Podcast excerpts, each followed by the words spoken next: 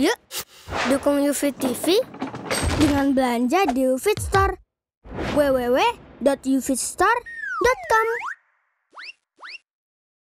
Bismillahirrahmanirrahim. Assalamualaikum warahmatullahi wabarakatuh. Alhamdulillah wa kafa wassalatu wassalamu ala rasulihil mustafa wa sahbihi wa man iqtafa Kita panjatkan puja dan syukur kehadirat Allah tabaraka wa taala pada kesempatan malam yang berbahagia kali ini kita masih kembali diberi kekuatan, kesehatan, hidayah serta taufik dari Allah Jalla wa Ala. Sehingga kita bisa kembali menghadiri pengajian rutin untuk mengkaji adab dan akhlak di Masjid Jenderal Sudirman Purwokerto ini. Kita berharap semoga Allah Subhanahu wa taala berkenan untuk melimpahkan kepada kita semuanya ilmu yang bermanfaat sehingga bisa kita amalkan sebagai bekal untuk menghadap kepada Allah Jalla wa Ala. Amin. Salam dan salam semoga senantiasa tercurahkan kepada junjungan kita Nabi besar Muhammad sallallahu alaihi wasallam kepada keluarganya, sahabatnya dan umatnya yang setia mengikuti tuntunannya hingga akhir nanti. Para hadirin dan hadirat sekalian yang kami hormati dan juga segenap pendengar Radio Insani via streaming di mana pun Anda berada. Juga para pemirsa Surau TV dan Yufid TV yang semoga senantiasa dirahmati oleh Allah Azza wa Jal. Pertemuan terakhir kita telah mengawali penjabaran dari hadis yang ketujuh yang disebutkan oleh Imam Ibn Hajar al-Asqalani dalam Kitabul Jami' dari Bulughul Maram An Abi Hurairah radhiyallahu taala anhu qal dari sahabat Nabi sallallahu alaihi wasallam Abu Hurairah. Semoga Allah meridhoinya. Qala Rasulullah sallallahu alaihi wasallam Rasulullah sallallahu alaihi wasallam bersabda liyusallimis saghiru 'alal kabir. Hendaklah yang lebih kecil mengawali untuk mengucapkan salam kepada yang lebih besar wal maru 'alal qa'id. Dan yang berjalan hendaklah dia mengawali salam kepada yang sedang duduk. Wal qalilu 'alal kathir. Dan hendaklah rombongan yang jumlahnya lebih sedikit mengawali salam kepada orang yang rombongan jumlahnya lebih banyak muttafaqun alaih hadis riwayat Bukhari dan Muslim wa fi riwayatin li Muslim dalam tambahan riwayat yang disebutkan oleh Imam Muslim warakibu 'alal mashi dan hendaklah orang yang naik kendaraan dialah yang mengawali salam kepada orang yang berjalan kaki. Pada pertemuan yang lalu kita telah menyampaikan kondisi yang pertama. Etika siapa yang diperintahkan untuk mengawali salam. Kondisi yang pertama kita bahas kemarin adalah manakala yang muda ketemu dengan yang lebih tua maka saat itu yang diperintahkan untuk mengawali salam adalah yang lebih muda. Sampai di situ pembahasan kita. Kemarin kita telah janjikan bagaimana seandainya dalam suatu kondisi berpapasan antara yang muda dengan yang tua. Kalau anjurannya dalam hadis tadi adalah yang mengawali salam yang muda. Kalau seandainya dibalik. Begitu berpapasan yang mengucapkan salam yang tua. Apakah yang dilakukan oleh orang yang tua tadi yaitu dia mengawali apa? salam apakah salah? Pertanyaannya bisa dipahami? Bisa. Rasul SAW mengajarkan liyusallimis saghir alal kabir. Hendaklah yang muda mengawali salam kepada yang tua. Kalau ada orang lebih tua, dia yang salam duluan. Salahkah? Tidak salah. Apa tidak menyalahi hadis Nabi SAW tadi? Nabi memerintahkan supaya yang salam duluan yang muda. Ini yang tua salam duluan. Gimana? Boleh atau tidak? Boleh? Yakin? 100%? Para ulama berbeda pendapat. Sebagian ulama seperti Al Hasan berpendapat tidak seyogianya yang tua menyalami kepada yang muda apalagi anak kecil. Apa alasannya? Ya, alasannya apa? Kata dia, kata beliau, yang namanya menjawab salam itu hukumnya apa? Wajib. Anak kecil ini kan belum mendapat beban kewajiban untuk menjalankan perintah-perintah agama. Maka sebaiknya nggak usah disalam. Ini pendapat beliau. Ulama yang lain mengatakan salam, tapi aja seru-seru. Ya, sekedar salam supaya yang penting dia nggak dengar. Kita kan doakan, dia nggak dengar sehingga saat itu dia terbebas dari kewajiban untuk menjawab salam karena dia enggak dengar. Akan tetapi mayoritas ulama mayoritas ulama mereka berpendapat bahwa tidak ada masalah ketika yang tua menyalami yang muda. Kenapa? Karena dalil yang sahih menunjukkan bolehnya hal itu. Dalam sebuah hadis yang diriwayatkan oleh Imam Bukhari dan Muslim dan yang saya bacakan saat ini riwayat Imam Muslim. An Sayyarin qala dari seorang tabi'in namanya Sayyar. Siapa? Sayyar. Sayyar.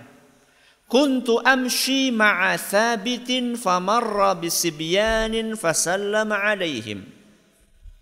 Kata Sayyar, pada suatu hari aku jalan bareng dengan guruku yang bernama Thabit. Siapa? Thabit. Yang cerita tadi siapa? Sayyar. Sayyar cerita bahwa beliau suatu hari berjalan bersama dengan Thabit, gurunya. Ketika mereka berdua sedang berjalan, siapa tadi? Sayyar sama Thabit. Lagi berjalan bareng, mereka melewati anak-anak kecil. Di tengah jalan mereka jalan melewati anak-anak kecil. Begitu lewat seperti itu maka Thabit gurunya siapa? Sayyar mengucapkan salam kepada anak-anak kecil tadi.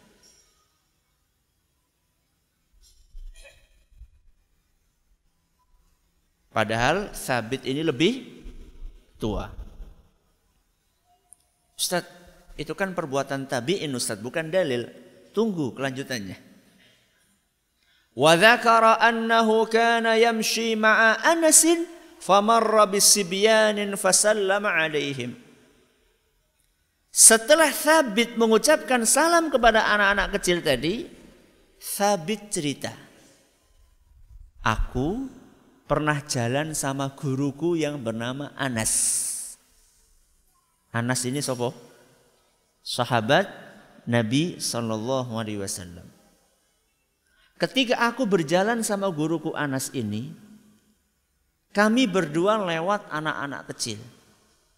Melewati anak-anak kecil, maka Anas pun mengucapkan salam kepada anak-anak kecil itu.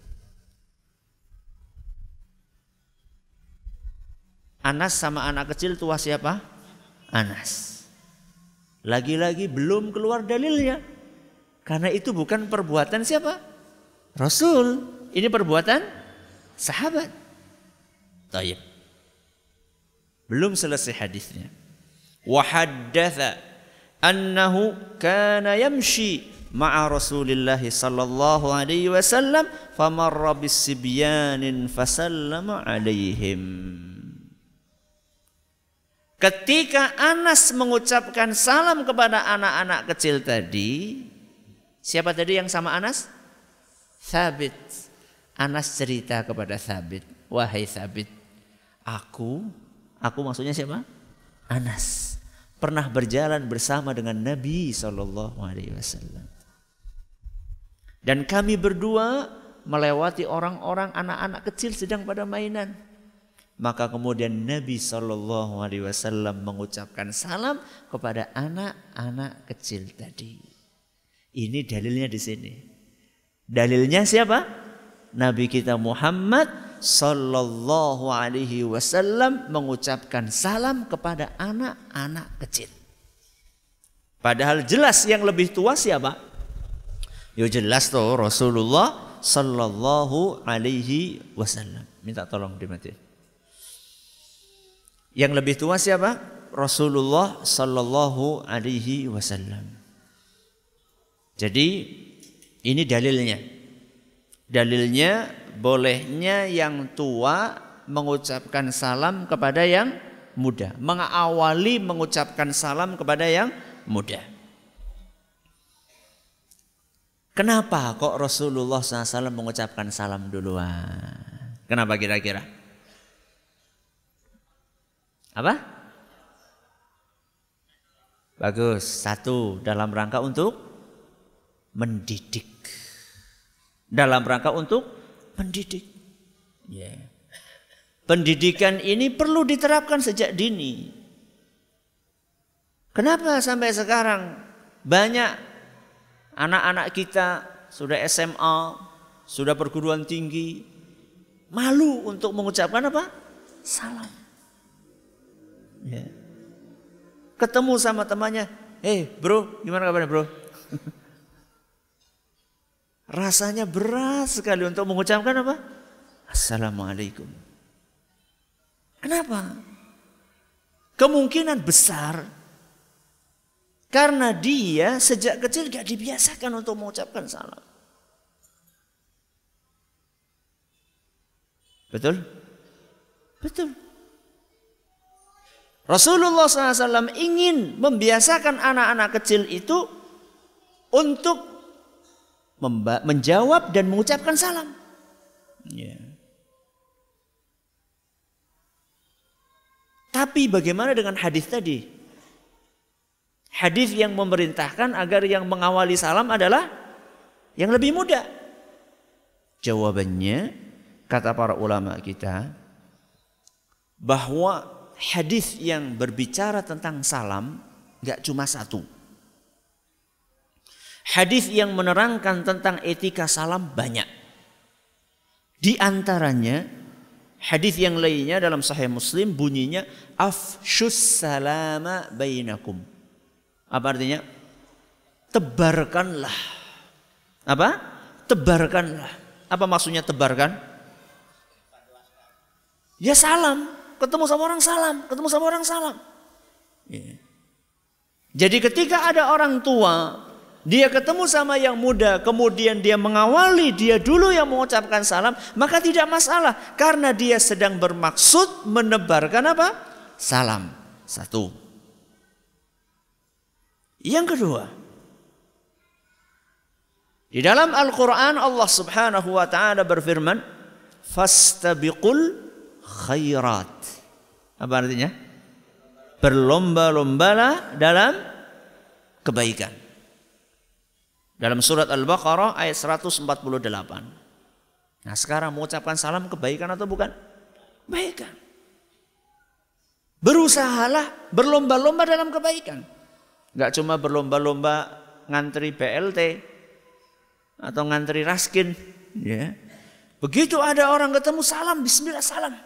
Ya. Sehingga kesimpulannya tidak masalah ketika ada dua orang bertemu Yang tua duluan dia yang mengucapkan salam. Tapi seharusnya yang muda tahu diri. Seha, seharusnya. Sudah. Inilah kondisi yang pertama tentang bertemunya dua orang dan siapa yang seharusnya dianjurkan untuk mengawali mengucapkan salam. Kita melangkah ke kondisi yang kedua.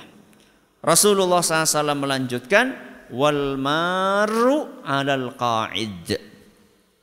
Dan hendaklah orang yang berjalan ketika bertemu dengan orang yang sedang duduk atau melewati orang yang sedang duduk, hendaklah yang mengawali salam adalah yang berjalan. Kenapa? Kalau kemarin, kenapa yang muda dulu yang mengucapkan salam apa masih ingat? Kenapa? Karena betul, yang tua berhak untuk dihormati. Sekarang kalau kondisi yang kedua ini, orang berjalan, lewat orang sedang duduk. Kenapa yang disuruh salam yang berjalan bukan yang duduk? Kata Imam Al-Maziri, kata Imam Al-Maziri, lam ara fi ta'lilihi nassan. Kata beliau, saya belum nemu dalil yang tegas yang menunjukkan alasannya apa. Inilah kehati-hatian para ulama kita. Jadi kalau belum nemu dalil ya bilang belum apa? Belum nemu dalil. Ya. Tidak malu untuk mengatakan tidak tahu. Karena tidak ada dalilnya atau beliau belum menemukan dalilnya, maka para ulama kita melakukan perenungan yang biasa disirakan dengan istihad. Apa? Istihad. Istihad itu merenung, merenung memahami dalil, kemudian mengambil kesim kesimpulan. Para ulama kita begitu melihat, oh belum nemu dalil ini. Beda kalau yang kondisi pertama ada dalilnya bahwa e, bukan termasuk golongan kami orang yang muda tidak menghormati yang tua. Nah sekarang belum ada dalil yang tegas apa hikmahnya. Kenapa kok yang jalan yang suruh salam kepada yang sedang duduk. Maka para ulama kita mereka beristihad. Dan di antara istihad yang mereka sampaikan, saya bawakan dua. Saya bawakan dua yang mereka simpulkan. Yang pertama, hikmahnya adalah dalam rangka untuk menenangkan hati orang yang duduk. Apa? Dalam rangka untuk menenangkan hati orang yang duduk. Kok bisa Ustaz? Bisa. Ketika orang ketemu, kita lagi duduk, tahu-tahu ada orang datang. Kadang-kadang atau sering muncul perasaan di dalam hati kita. Ini orang datang jangan-jangan mau mau melakukan yang ndak-ndak. Kadang-kadang muncul kan perasaan seperti apalagi yang datang orangnya apa? Serem. Ya, tatoan misalnya badannya gede, bawa pentungan, ya. Atau yang datang polisi misalnya, ya. Ada apa ini polisi datang? Ya. Kan kadang-kadang kalau antum melihat polisi kan ada getaran-getaran hati ya. Apalagi kalau nggak bawa SIM ya. itu pertanda apa itu? pertanda sayang ya. Jadi ketika kita lagi duduk, ada orang datang ke kita atau orang lewat, kadang-kadang timbul perasaan di dalam hati, ini orang jangan-jangan, jangan-jangan. Sehingga timbul perasaan khawatir di dalam hati. Manakala ternyata orang ini begitu dia mendekati kita, di dalam hati kita timbul perasaan tadi, perasaan was-was, perasaan cemas. Tahu-tahu dia begitu ketemu langsung, Assalamualaikum perasaan was-was itu apa? Hilang. Maka hikmah yang pertama, kata para ulama kita, adalah untuk apa? Menenangkan hati orang yang sedang duduk. Sehingga perasaan-perasaan khawatir, perasaan cemas, perasaan was-was tadi lenyap. Runtur semuanya runtuh dengan salam yang diucapkan oleh orang yang lewat tadi.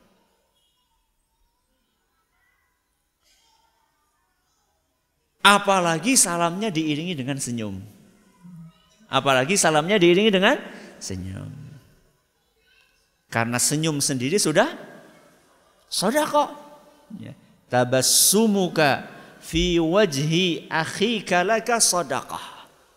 Senyummu di hadapan wajah saudaramu adalah sedekah. Hadis riwayat Tirmidzi. Maka sering-seringlah senyum. Sering-seringlah senyum bukan ketawa. Sering-seringlah senyum ya sehingga kita banyak dapat sedekah.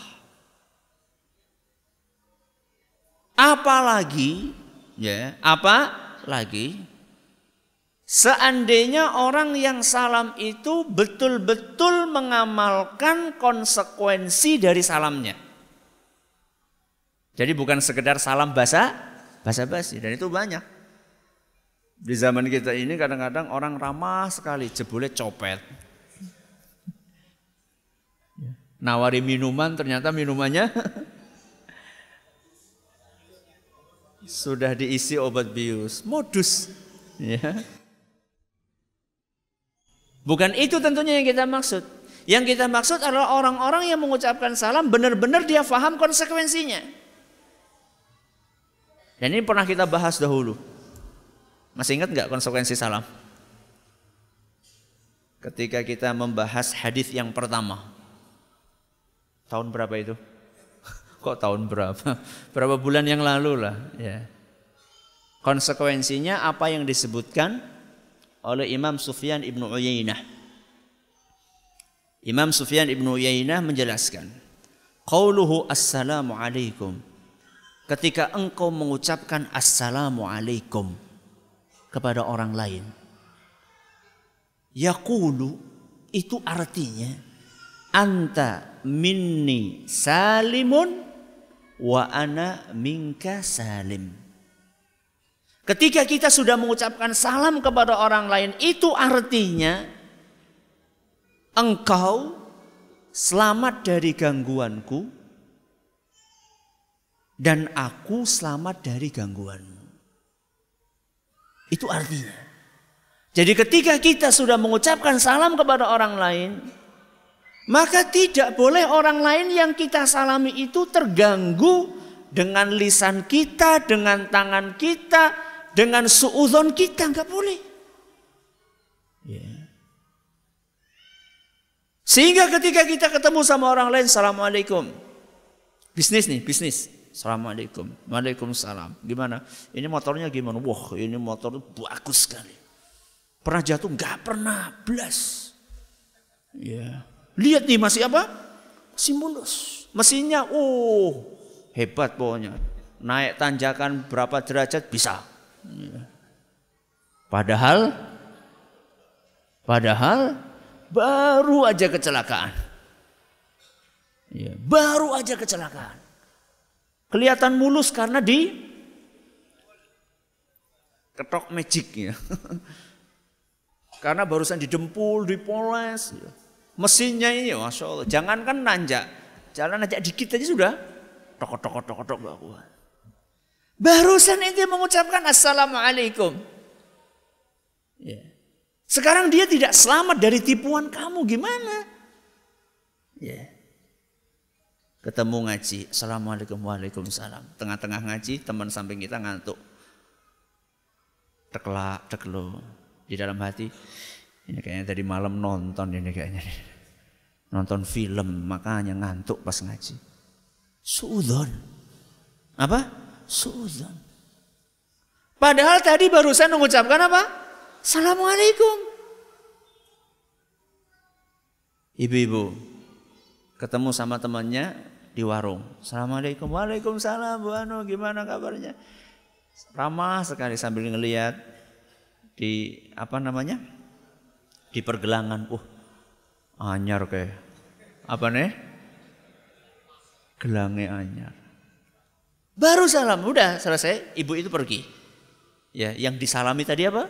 Pergi. Tinggal yang nyalami sama yang punya toko. Mulai. Nah.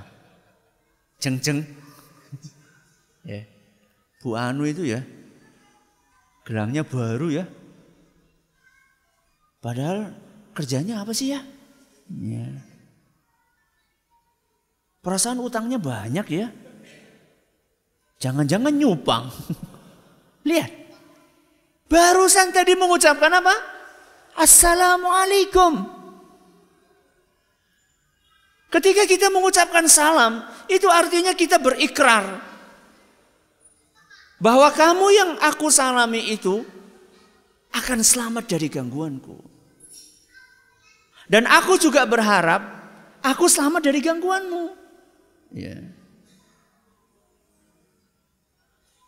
Bukan hanya selamat di dunia, termasuk juga kita berusaha untuk menyelamatkan saudara kita di akhirat. Apa maksudnya Ustadz menyelamatkan saudara kita di akhirat? Maksudnya ketika kita melihat saudara kita melakukan kesalahan, nasihati dia. Nasihati dia.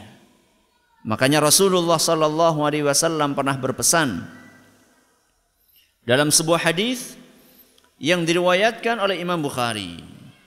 Rasulullah SAW bersabda, "Unsur akhaka zaliman au madluma." Bantulah saudaramu ketika dia ber, ketika dia berbuat zalim dan ketika dia dizalimi. Apa kata Nabi SAW? Bantulah saudaramu. Kapan? ketika dia berbuat zolim dan ketika dia dizolimi. Ada yang aneh? Ada yang aneh? Apa yang aneh? Nah, kalau anda merasa nggak aneh berarti jenengan tadi nggak tahu lagi ke mana pikirannya. Saya ulangi. Ya. Nabi SAW berkata, unsur akhaka zaliman au madluma. Bantulah saudara kamu ketika dia berbuat zalim dan ketika dia dizolimi. Yang aneh yang mana? Membantu saudara ketika berbuat zalim. Faqala rajulun. Seorang sahabat bertanya kepada Rasul SAW. Ya Rasulullah, ansuruhu idkana madluma. Kalau saudaraku lagi didolimi jelas wahai Rasul aku akan bantu. Wajar, manusiawi ada orang didolimi saya bantu wahai Rasul. Afara'aita idza kana zaliman kaifa ansuruhu? Lah, kalau dia lagi berbuat zalim, gimana aku membantu dia wahai Rasul? Caranya bagaimana aku membantu dia? Qala Nabi SAW menjawab, tahjuzuhu au tamna'uhu minadzulmi fa inna dzalika nasruhu. Membantu saudaramu ketika berbuat zalim maksudnya adalah cegah dia. Larang dia dari perbuatan zalim tersebut itulah bentuk bantuanmu kepada dia manakala berbuat zalim alias menasehati. Jadi kalau kita sudah mengucapkan salam sama orang lain, Assalamualaikum. Jangan sampai saudara kita ini tidak kita bantu, tidak kita selamatkan dari siksaan di neraka. Dia berbuat salah, kita nasihati. Bukan malah seperti sebagian orang melihat saudaranya melakukan kesalahan, wah, uh kebenaran gitu. Pas banget gitu langsung share. ya, ngelihat saudaranya salah langsung oke, menemukan harta harta karun. Kalau perlu sama fotonya sekalian, ceklik langsung di-share. Lihat nih. Katanya so, eh, katanya alim, sering ngaji, tapi ternyata lihat perilakunya. Ya, ternyata berduaan dengan seorang wanita Enggak tanya dulu wanita itu siapa, jebule ibune. Jebule adine, jebulene mbok kayune, ya. Tahu-tahu langsung menyebarkan kesalahan. Ini orang yang seperti ini salamnya tadi buat apa? Salamnya barusan buat apa? Ketika orang mengucapkan salam konsekuensinya saudara kita itu selamat dari gangguan kita. Selamat dari gangguan lisan kita, selamat dari gangguan tangan kita. Ya. Selamat dari gangguan suudzon yang ada dalam hati kita. Selamat dari gangguan iri yang ada dalam hati kita. Kita mengucapkan salam sama saudara kita, Assalamualaikum. Lihat motornya baru dalam hati, oh, muka-muka kayak, aduh cilaka kayak wong kayak. ya. Barusan mengucapkan salam, lo salamnya itu buat apa? Ya. Jadi kembali kepada hikmah yang pertama tadi, apa tadi? Untuk menenangkan hati orang yang sedang duduk. Yang kedua. Yang kedua. Kata sebagian ulama untuk meringankan beban orang yang sedang duduk. Apa alasannya? Meringankan beban orang yang sedang duduk. Kok bisa Ustadz larinya ke situ? Karena kalau orang yang duduk ini yang suruh salam, dia lagi duduk depan rumah misalnya. Dia duduk lagi depan, duduk depan rumah. Di depan rumahnya itu orang jalan raya, seliwar, seliwar, seliwar, seliwar. Kira-kira kalau yang disuruh salam orang yang duduk gimana? Kepriwe? Orang sidang ngopi. Jadi begitu lewat, Assalamualaikum. Assalamualaikum.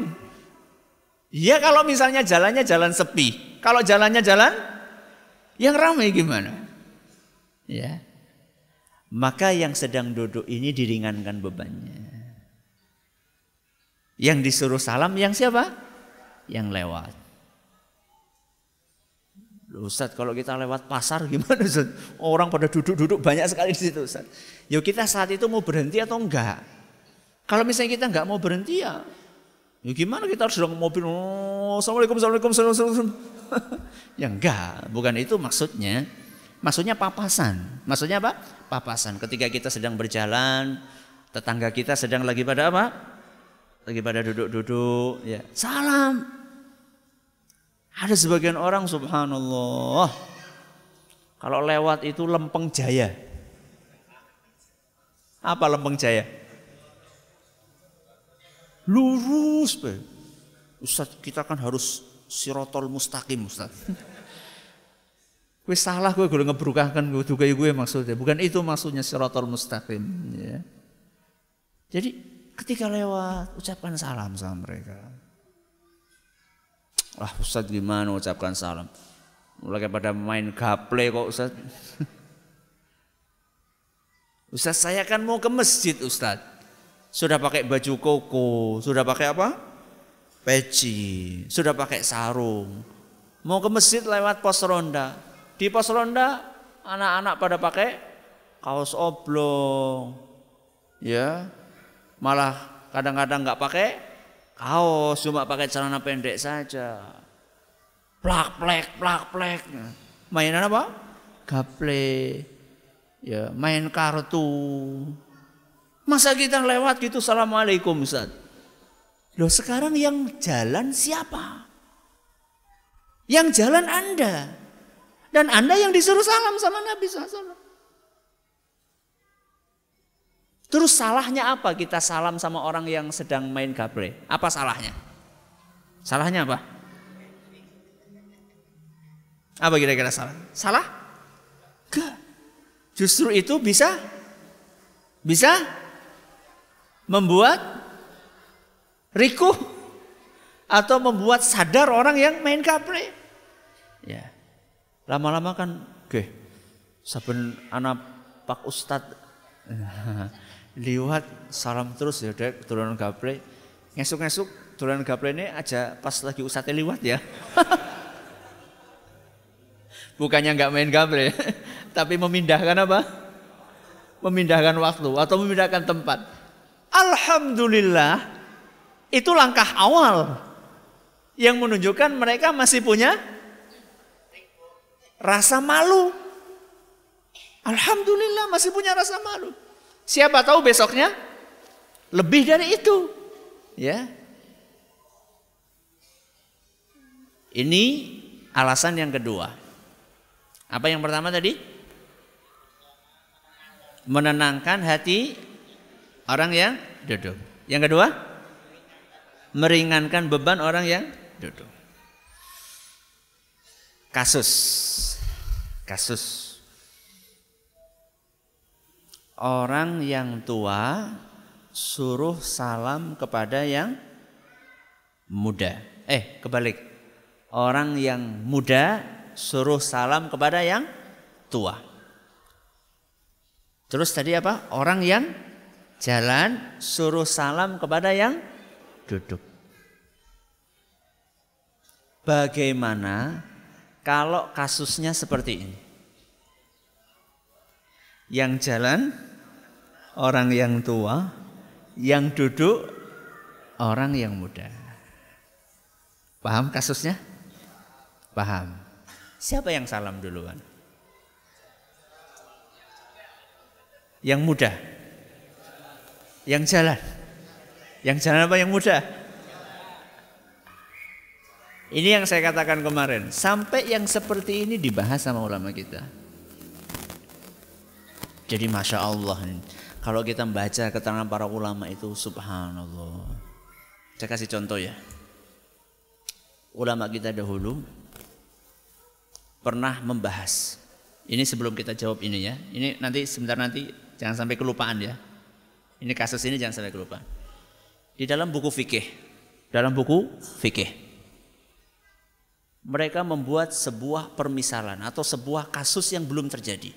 Apa hukumnya orang sholat sambil membawa plastik isinya air seni. Apa hukumnya orang sholat sambil membawa plastik isinya apa? Air seni. Apakah sholatnya sah? Padahal ini kasus orang saya itu ngapain sholat bawa Air seni dong ngapain sholat bawa air seni? Sekarang coba perhatikan. Bajunya bersih, suci. Tempatnya apa? Suci. Badannya suci. Masalahnya cuma satu. Dia bawa apa? Kantong isinya air seni. Dan tangannya ini nggak megang air seninya, megang apanya? Kantong plastiknya. Sholatnya sah gak? Sah. Beneran. Ternyata di zaman kita ini ada kasus yang seperti itu. Apa? Orang yang dipasang kateter. Ini masalah sudah dibahas oleh ulama kita 4-5 abad sebelum adanya kateter. Ajib, ajaib. Ulama kita itu Masya Allah ya. Dan yang seperti ini itu banyak. Ya. Maka tadi saya bawakan kasus apa tadi? Kalau yang lewat yang lebih tua, kemudian yang lebih muda sedang duduk. Dalam kondisi seperti ini mana yang harus ditonjolkan? Apakah mudanya atau jalannya? Ya. Imam Nawawi beliau berpendapat fi misli hadza ila nazari ila murur. Kata Imam Nawawi bahwa dalam kondisi seperti itu yang lebih ditonjolkan adalah yang berjalan. Alias yang disuruh salam bukan yang duduk walaupun dia lebih muda. Yang ditonjolkan adalah jalannya. Walaupun yang jalan itu lebih tua. Ini yang disampaikan oleh Imam Nawawi. Dan pendapat Imam Nawawi ini didukung oleh hadis Rasul SAW yang tadi kita baca. Ya, masih ingat apa tadi kita baca? Rasulullah SAW lewat melewati anak-anak kecil lagi pada mainan, lagi pada duduk-duduk. Nabi SAW mengucapkan salam. Hadis riwayat Muslim. Moga Kalau ada yang mau bertanya Nanti habis adzan insya Allah Alhamdulillah Rabbil Alamin. Assalatu wassalamu ala nabiyina Muhammadin Wa ala alihi wa sahbihi ajma'in. Kita bacakan beberapa pertanyaan. Pertanyaan pertama, bagaimana hukumnya mengucapkan salam? Jika yang jalan adalah seorang laki-laki Dan yang duduk adalah perempuan yang bukan mahramnya Yang umurnya sama misalnya remaja atau mahasiswa Ini pernah kita bahas pada beberapa pertemuan yang lampau ketika kita membahas tentang hak sesama muslim. Kesimpulannya bahwa hukum asalnya itu boleh. Hukum asalnya boleh seorang laki-laki mengucapkan salam kepada wanita yang bukan apa-apanya. Hukum asalnya boleh. Kecuali dalam kondisi yang dikhawatirkan akan menimbulkan menimbulkan fitnah. Fitnah di sini maksudnya apa? Menimbulkan perasaan yang ndak-ndak. Ya. Wah. Mas Anu ramah banget loh. Kalau boleh saya minta pin BB-nya. Kalau udah seperti itu sebaiknya nggak usah. Sebaiknya tidak usah. Kenapa? Karena darul mafasidi muqaddamun ala jalbil masalih. Menghindarkan sesuatu yang negatif itu lebih diprioritaskan daripada mendatangkan sesuatu yang positif. Salam itu positif toh? Positif. Ya. Pacaran negatif bukan? Negatif. Nah, kalau gara-gara salam terus jadi apa? Pacaran. Mendingan salamnya enggak dulu supaya terhindar dari pacaran. Ya kira-kira seperti itu. Jadi hukum aslinya boleh. Kalau Anda betul-betul serius mau mengucapkan kepada salam kepada lawan jenis, itu loh mbah-mbah yang tua-tua itu loh. Disalami enggak itu? Ya, mbah-mbah yang tua-tua di pasar-pasar itu, salami apa enggak? Ya, kalau memang Ustaz saya pengen praktik sunnah Rasul, Ustaz. Rasul SAW kan pernah Ustaz mengucapkan salam kepada wanita. Oke, bagus. Ayo kita cari mbah-mbah Ya. Jadi aslinya boleh, aslinya boleh. Tapi kalau dikhawatirkan menimbulkan tadi menimbulkan perasaan yang e, berbahaya, ya karena setan itu sangat apa? Sangat halus tipu dayanya. Makanya seperti ungkapan barusan e, tadi pagi saya e, dengerin ada rekaman e, pertanyaan sebuah pertanyaan ditanyakan ke Syekh Abdul Razak Al Badr Beliau ditanya, apa hukumnya seorang wanita tanya kepada ustadz? Tanya kepada ustadz. Ketika tanya itu sebelum tanya dia mengucapkan ustadz, aku mencintaimu karena Allah.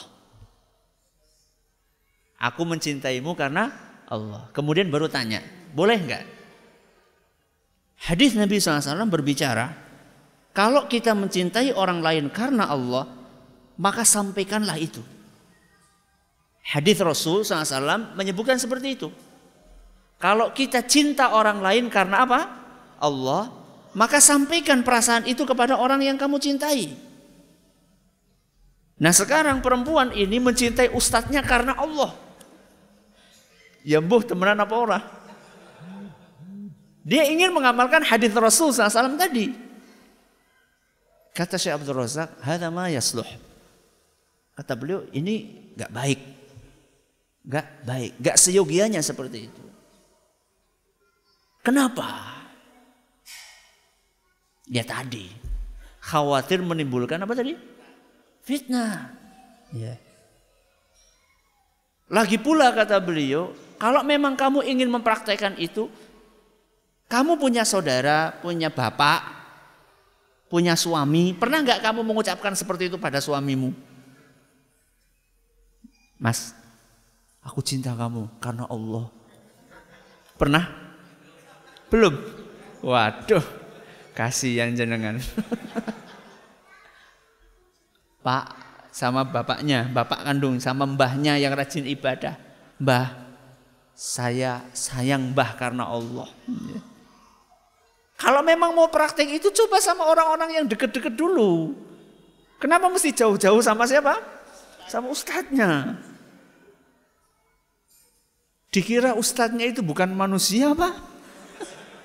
Ustadz juga manusia. Ya. Ketika ada orang ngomong seperti itu, waduh itu kan kadang-kadang juga hati ini tergoda. Hmm. Apalagi masih ada kesempatan kedua, ketiga, keempat gitu kan. Kan repot lagi nanti. ya. Jadi aslinya boleh. Aslinya boleh tadi salam tadi. Aslinya boleh cuman karena dikhawatirkan menimbulkan fitnah maka jangan. Ustadz, bagaimana hukumnya akikah untuk anak laki-laki dengan satu ekor kambing karena keterbatasan dana? Boleh. Tidak apa-apa. Kalau mampu dua, dua. Kalau mampunya cuma satu, satu. Tidak ada masalah. Ada sebuah hadis sahih yang menjelaskan hal tersebut. Ya, ada sebuah hadis sahih yang menjelaskan hal tersebut, terutama bagi yang tidak mampu. Kalau mampu ya sebaiknya berapa? Dua. Sebaiknya dua. Kalau misalnya sekarang mampunya satu, tahun depan satu lagi, tidak apa-apa. Kan udah lewat tujuh hari, tidak apa-apa. Tujuh hari itu waktu waktu afdolnya. Ya, tujuh hari itu waktu afdolnya.